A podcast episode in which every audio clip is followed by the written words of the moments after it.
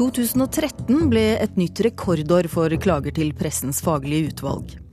Film nummer to om Kaptein Sabeltann er på trappene, ni måneder før den første har premiere. Og Kulturnytt har møtt svenskenes nye filmstjerne Adam Lundgren. Og det er nettopp Kulturnytt du hører på her i P2s Nyhetsmorgen med Elisabeth Tøtte Hansen i studio. Stadig flere klager, klager saker inn til Pressens faglige utvalg. NRK er igjen det mest innklagende mediet til Pressens faglige utvalg, men har to fellelser mindre enn i fjor. Og i år som i fjor er det ny rekord i antall klager.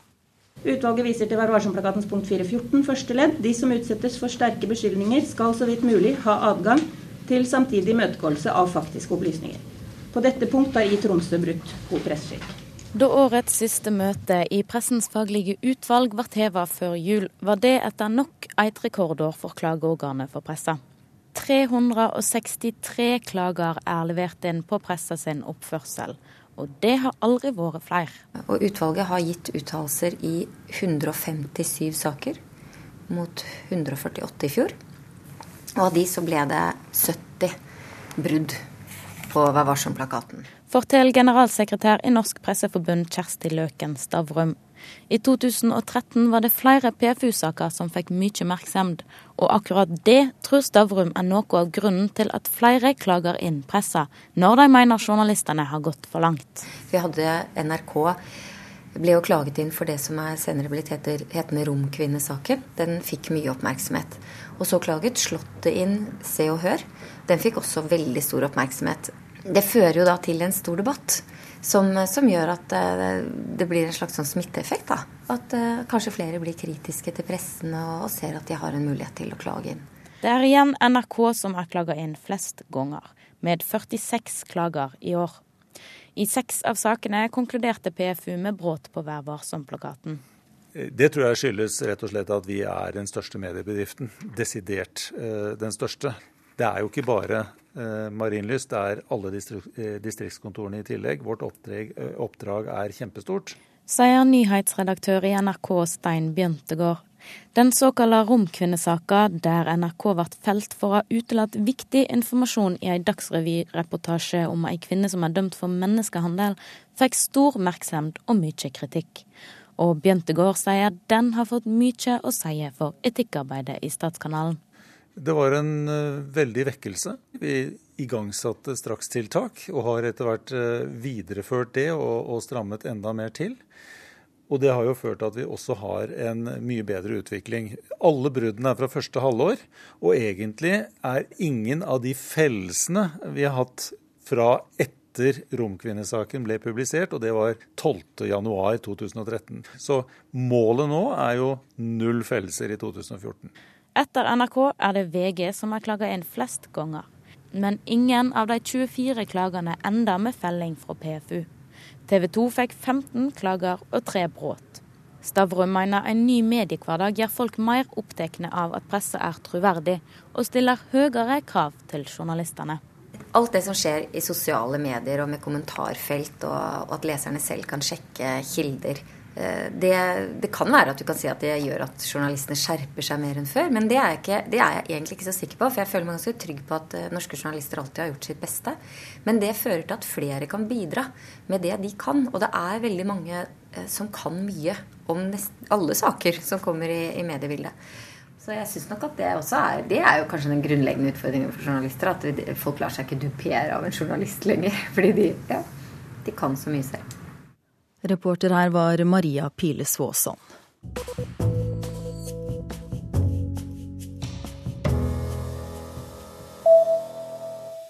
Den italienske teaterdirektøren Attilio Maggioli krasjet torsdag bilen sin inn i porten til det franske presidentpalasset. Det ble gjort som protest mot den franske regjeringens nedskjæringer på kulturbudsjettet, noe som har ført til kutt i tilskuddene til Maggiolis teater i Paris. Teaterdirektøren kom seg ikke gjennom porten til Élysée-palasset, men ble like fullt pågrepet og avhørt. President Francois Hollande har kuttet i det hittil så sjenerøse kulturbudsjettet som ledd i arbeidet med å redusere underskuddet på statsbudsjettet. Og Marit Christensens bok 'Moren' har siden den kom ut for to måneder siden solgt seg opp til en sjetteplass på salgslisten for generell litteratur, melder Dagbladet. Det er bedre enn Åsne Seierstads bok 'En av oss', som riktignok ble lansert to uker senere. Begge bøkene har referanse til 22. juli, men der Christensens bok kun omhandler moren til Anders Behring Breivik, er Seierstads roman en bredt anlagt bok om terrorhandlingen.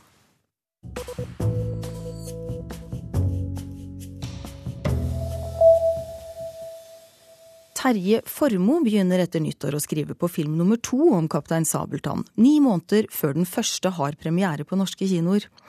I september neste år settes filmen 'Kaptein Sabeltann og skatten i Lamarama' opp, og med et budsjett på nærmere 50 millioner kroner blir det tidenes dyreste norske familiefilm. Det er en stor pult. Eh, nå har jeg akkurat, Det ser kanskje ikke sånn ut, men jeg har akkurat hatt en opprydning her. De mest livsnødvendige ting ligger rundt Terje Formos skrivepult. Og så er det litt sånn regninger og litt andre ting som ligger rundt. En liten matpakke og mobilen.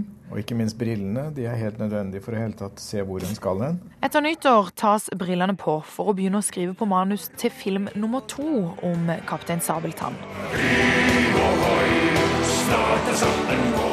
Film nummer to må vi i gang med. Vi må begynne å tenke på historien. Jeg må få ned de tankene på et papir som jeg har hatt hele veien. Og så må vi begynne å utvikle det litt, og så kommer det jo veldig fort andre folk inn også som skal være med og videreutvikle dette her. Men først i september neste år kommer film nummer én, 'Kaptein Sabeltann og skatten i Lama Rama'. Dette er tidenes dyreste norske familiefilm, med et budsjett på nærmere 50 millioner kroner, og ifølge Formoe et viktig ledd i å gjøre Kaptein Sabeltann til en internasjonal figur. Jeg har hatt to hovedmål. Det ene er å gjøre Kaptein Sabeltann til en norsk barneklassiker. Og så er det det at jeg gjerne vil eh, Jeg føler at Kaptein Sabeltann er en eh, internasjonal figur i den forstand at han er ikke noe spesielt nordisk. Han hører til på alle de syv hav. Og jeg har jo veldig lyst til å se hvor langt ut jeg kan klare å få den. Den ti år gamle animasjonsserien om Kaptein Sabeltann ble i sin tid solgt til 20 land, mens en nyere TV-serie som ble lagd i 2010, er nettopp blitt solgt til Slovenia, i tillegg til seks andre land. Jeg tenker aldri uh, ut fra noe kommersielt. eller sånt. Jeg tenker først og fremst ut fra hele den lange historien. Derfor så er det rett og slett mer å fortelle. Det er mer å fortelle, så det er grunnlag for en historie i film nummer to og tre også. Nå er det ferdig. Du er ferdig. Reporter, det var Mairi McDonald.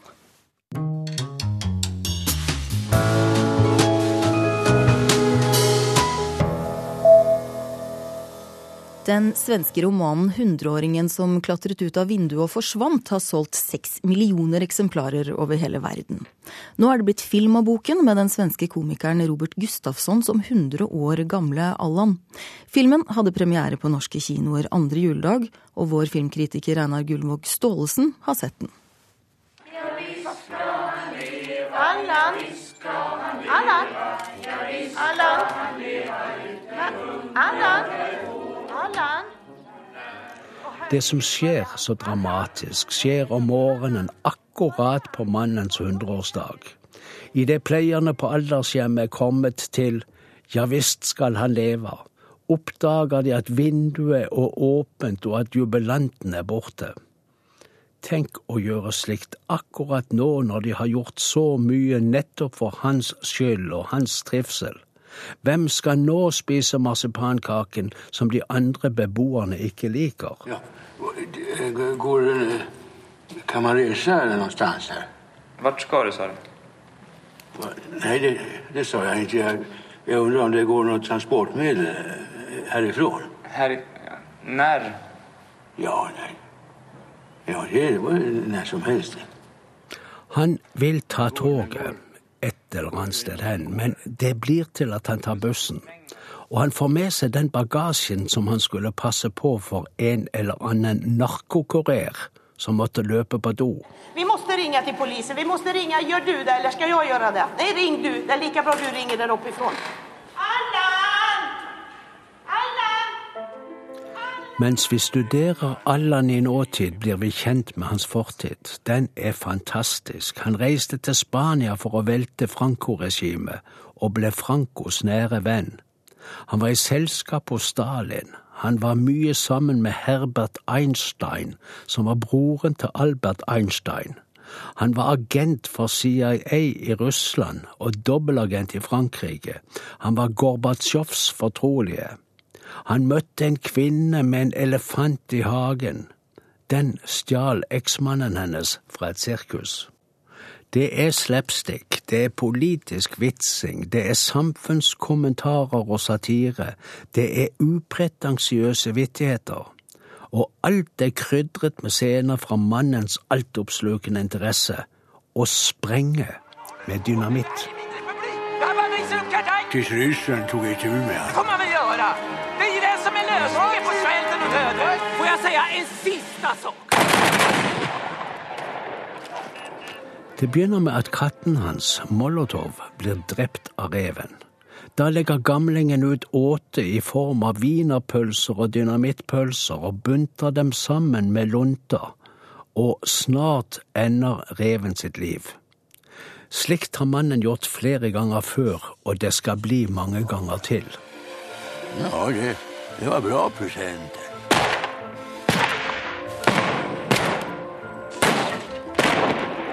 Mor hon eh, bytte in det där ägget hos grosshandlare Gustafsson. Robert Gustafsson spiller hovedrollen gjennom hele livsløpet fra rundt 30 år til 100. Han vil bli husket. Han smiler aldri. Det var Einar Gullvåg Staalesen som anvendt, anmeldte filmen 'Hundreåringen' som klatret ut av vinduet og forsvant. Klokka er et 15 minutter over åtte. Du hører på Kulturnytt i P2s Nyhetsmorgen, og her er hovedsakene i nyhetsbildet nå. Bankene lar kundene betale for nye kapitalkrav, sier sentralbanksjefen, og han mener at også eierne kunne tatt mer av regningen. Danmark har den mest ambisiøse energiplanen i Europa. Innen 2020 skal halvparten av all energien i landet være fornybar. Og antall bilbranner har økt jevnt de 10-15 siste årene. En hovedteori er at brannene skyldes stadig mer elektronikk i bilene. Den svenske TV-serien 'Tørk aldri tårer uten hansker' har fått mange norske TV-seere til å ta til tårene nå i desember. Etter innspillingen gikk hovedrolleinnehaver Adam Lundgren til sin første hovedrolle på film i produksjonen 'Kjenningen sorg', som er basert på Håkan Hellstrøms musikk. Og Kulturnytt møtte svenskenes nye filmstjerne i Göteborg. Det var dags kjente jeg. Jeg filmet første gangen jeg var 17-18 tror jag. Eh, Så det kjentes bare som at, at det skulle bli kul og, og rolig. Så hadde jeg gjort, eh, som jeg jag gjort huvudrollen i Torka aldri tårer uten hansker innan. Så, men det var kul. Adam Lundgren syns sjøl det var på tide at han fikk spille hovedrolla i en spillefilm. Etter å ha spilt Benjamin i Jonas Gardell-TV-serien 'Tørk aldri tårer uten hansker', ble den høye, tynne og mørkhåra 27-åringen i høst Håkan Hellstrøm sitt alter ego i filmen 'Kjenn ingen sorg'. Nå vil Lundgren fortelle hva han tror Håkan Hellstrøm har betydd for Gøteborg. Eh, ja, når vi har gått inn og fått en kopp og satt oss. Ska skal jeg. For Göteborg spiller ei viktig rolle i filmen 'Kjenn ingen sorg'. Og historiefortellinga den tar utgangspunkt i Hellstrøm sine sanger. I en kombinert kafé og platebutikk i den litt hippe gata Andra Långgatan forteller Lundgren at Håkan Hellstrøm sin musikk nok har skapt et litt romantisk bilde av byen. Som Håkan har sagt selv, det er derfor man skriver popmusikk og lytter på popmusikk, for å komme bort fra hur, hur grått det kanske egentligen är. Så där. Sen kan man, ju, kan man ju beskriva, om man säger någon tristess och gråhet, kan man ju ändå beskriva på ett förskönande och romantiserande sätt. Liksom. Så att, det är ju många som har liksom, så här, tänker Göteborg, ja Håkan Hellström, eller tvärtom Håkan Hellström, ja Göteborg. Um, och sen så Sen har han väl hj- hjälpt till säkert att bygga upp en, en, en, eh, en dekadensromantiserad bild av, av Göteborg på något sätt. Och, så där. och sen filmen är också ganska Göteborgs romantik. Göteborg har ju aldrig sett bättre ut än man gjør i, i våran film. Det är någonting som sjunger i mig hela, hela tiden. Det enda som är konstigt bara är att så fort jag öppnar munnen så kommer aldrig ut en sång. utan bara massa jävla skit. I hovedsak handler Kjenn ingen sorg om Pål og vennene Lena og Jonny, og farfaren, som er spilt av norgesvennen Thomas von Brømsen.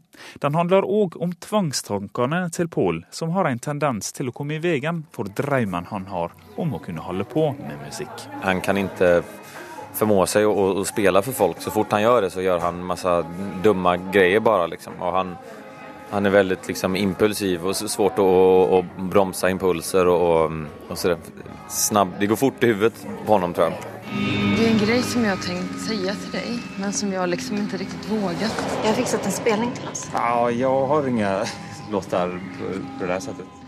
Ja, jag gillar att de kanske inte, eller ofta så när de gör filmer så ska det vara någon du vet, Hollywood skådespelare sådär, men jag tyckte han var bra. Han er ikke en, ikke en Hollywood... Nei, Nej, men tyck- jag gillar det. Det kändes liksom äkta i och med att det utspelar sig i Göteborg och så. Ja. Jag har bara hört bra grejer. att jag den är värd att se även om man inte gillar Håkan Hellström. Jag gillar inte honom. Men... Jag gör det. Jag tycker Håkan Hellström är grym så det, det är typ mitt hatobjekt. Kritikkene har i hovedsak vært gode. Aftonbladet omtaler filmen som ei herlig, livsbejaende historie fylt av humor og suverent skuespill. Og de klinker til med hele fem av fem stjerner. Filmen ble òg den nest mest sette av svenske filmer på svenske kinoer i år. Her var vi filmet. Dette er en strippklubb. Eh, vi, vi var inne og filmet. Adam Lundgren sin guidetur i Håkan Hellstrøm sitt Göteborg fortsatt ned mot en gammel strippeklubb. Jo, vi filmade her inne. Det var en sånn lang tagning som är liksom hele veien ut fra det her kaféet som vi var på innan. Man følger oss hele veien bort så her, og så inn der, og så ut igjen. Och det är så jäkla mycket som ska klaffa med statister och kameran och skärpa och allting. Och vi skådespelare ska vara bra. Och så det, det er svårt men det er jæklig kul når man får sånt å funke Alltså. Etter filminnspillinga har noen nå mala et veggmaleri av Hellstrøm på den gamle strippeklubben. Ja, den her var ikke da når vi, när vi filmade. Det er noen som har gjort den efteråt. Men jeg tror at det er for at de skal, de skal rive her eller måle om eller noe. Jeg, jeg, vet ikke. Så den får være til den de river det tror jeg. Men han har inget hår bare. Håret er borte. Han ser ut som han er rakad. Ja, det var reporter Sondre Bjørdal som hadde møtt skuespiller Adam Lundgren i Gøteborg. Og vi oppsummerer kulturåret 2013 i Kulturnytt nå i disse juletider, og i dag har vi kommet fram til litteraturåret som gikk. NRKs litteraturkritikere Knut Hoem og Marta Norheim tar for seg både skjønnlitteratur og sakprosa i samtale med kollega Birger Kolsrud Jåsen. Hvis vi begynner med deg, Marta, og, og det skjønnlitterære. Er det noe som står frem i 2013 som en ordentlig spennende hendelse? Ja, det er et godt spørsmål som ikke har et entydig svar, egentlig. Det, det er få bøker som på en måte peker seg ut som de virkelig store vinnerne. Vi ser at Roy Jacobsen og Cecilie Enger selger godt, men det, det er liksom ikke noen som har fornya sjangrene eh, veldig tydelig av dem. Det er ikke noe Knausgård-effekt, liksom? Det er ikke noe Knausgård-effekt, liksom? Knausgård-effekt. Det er ikke det. Og, og der trenger en jo ikke egentlig å ønske seg hvert år heller. Det kan hende dette er debutantåret. Det er veldig mange sterke debutanter i år. Så jeg har lyst til å, å, å egentlig begynne der og si at eh, jeg tror det er mange debutanter vi kommer til å høre ifra eh, seinere. Og nå, nå vil vi ha navn. Ja, ja, ja. Eksempel Roskva Korisinski, eh, som har skrevet novellesamlinger her inne et sted. Eksempel Hilde Østby med 'Leksikon om lengsel', en debutant med humor. Eh, en til debutant med humor er Frøydis Solli Simonsen, som har skrevet en tekstsamling som heter 'Hver morgen kryper jeg opp fra havet'. Det som er morsomt med dem, er at de er ikke sjølbiografiske, og de er ganske kunnskapsbaserte. Iallfall flere av dem. Så de, noen av disse debutantene er ute på noe nytt. Og kunnskapsbasert, Knut Hoem, det må man jo også si om de som skriver biografier. Eh, presumptivt, i hvert fall. Ja da. Har det vært noe spennende i år? Ja, det har det faktisk. Helt eh, forbløffende, nesten, vil jeg si. Altså, jeg syns jeg ser en voldsom vilje til å eksperimentere når det gjelder hvordan man skal skrive biografi. Hvordan skriver man om et liv, og hva vil man egentlig fortelle? Og da syns jeg jeg ser at veldig mange norske biografer forsøker å fortelle norgeshistorie gjennom personene sine. Eh, Et eksempel er jo f.eks. biografien om Det Norske Teatret, Trass alt skrevet av Alfred Fidjestøl, der jeg tenker at dette er sceneinngangen til norsk historie. Altså Fidjestøl er kanskje enda mer opptatt av å vise hvilken rolle dette her nynorskteateret, fenomenet nynorskteateret i Oslo, spilte i Norges historie. altså det, det, Hvordan Norge ble bygget samtidig som dette teateret ble bygget, så å si. Eh, men et annet godt eksempel er jo Ingar Sletten Kolloen sin Ingrid Espelid-biografi. For hvis Fidjestøl går sceneinngangen, så går han kjøkkenveien. Og også der så er det jo norsk historie, hvordan hun var en nasjonal strateg i forhold til å bygge husstellet på nytt da 50-tallet kom og hermetiseringen kom og hele den nye metoden for å, å, å, å, være på kjøkkenet på kom, så måtte hun komme inn med nye metoder i et nytt medium, nemlig fjernsynet. Så det handler på sett og vis om en måte å forstå oss nordmenn på, er det det du sier? Ja, det er det. Og så, Da kan jeg legge til også biografien om historikeren Halvdan Koht. For han er jo der, den er jo på metanivået hele tiden, for det handler jo om mannen som skrev historien. Ja. Sånn. Eh, og Marta Norheim, hvis vi snakker om det å forstå oss nordmenn, så er jo skjønnlitteraturen også ute i det samme ærend, på sett og vis. Ja, nå satt jeg akkurat og noterte, for at å forstå oss nordmenn, så er Knut Hoem her, og så tenker jeg å forstå oss sjøl. Hvem er vi, og hvor kommer vi ifra? Og da er vi jo inne i det sjølbiografiske prosjektet, som ikke forsvant med Knausgård, sjøl om det er få debutanter som holder på med det.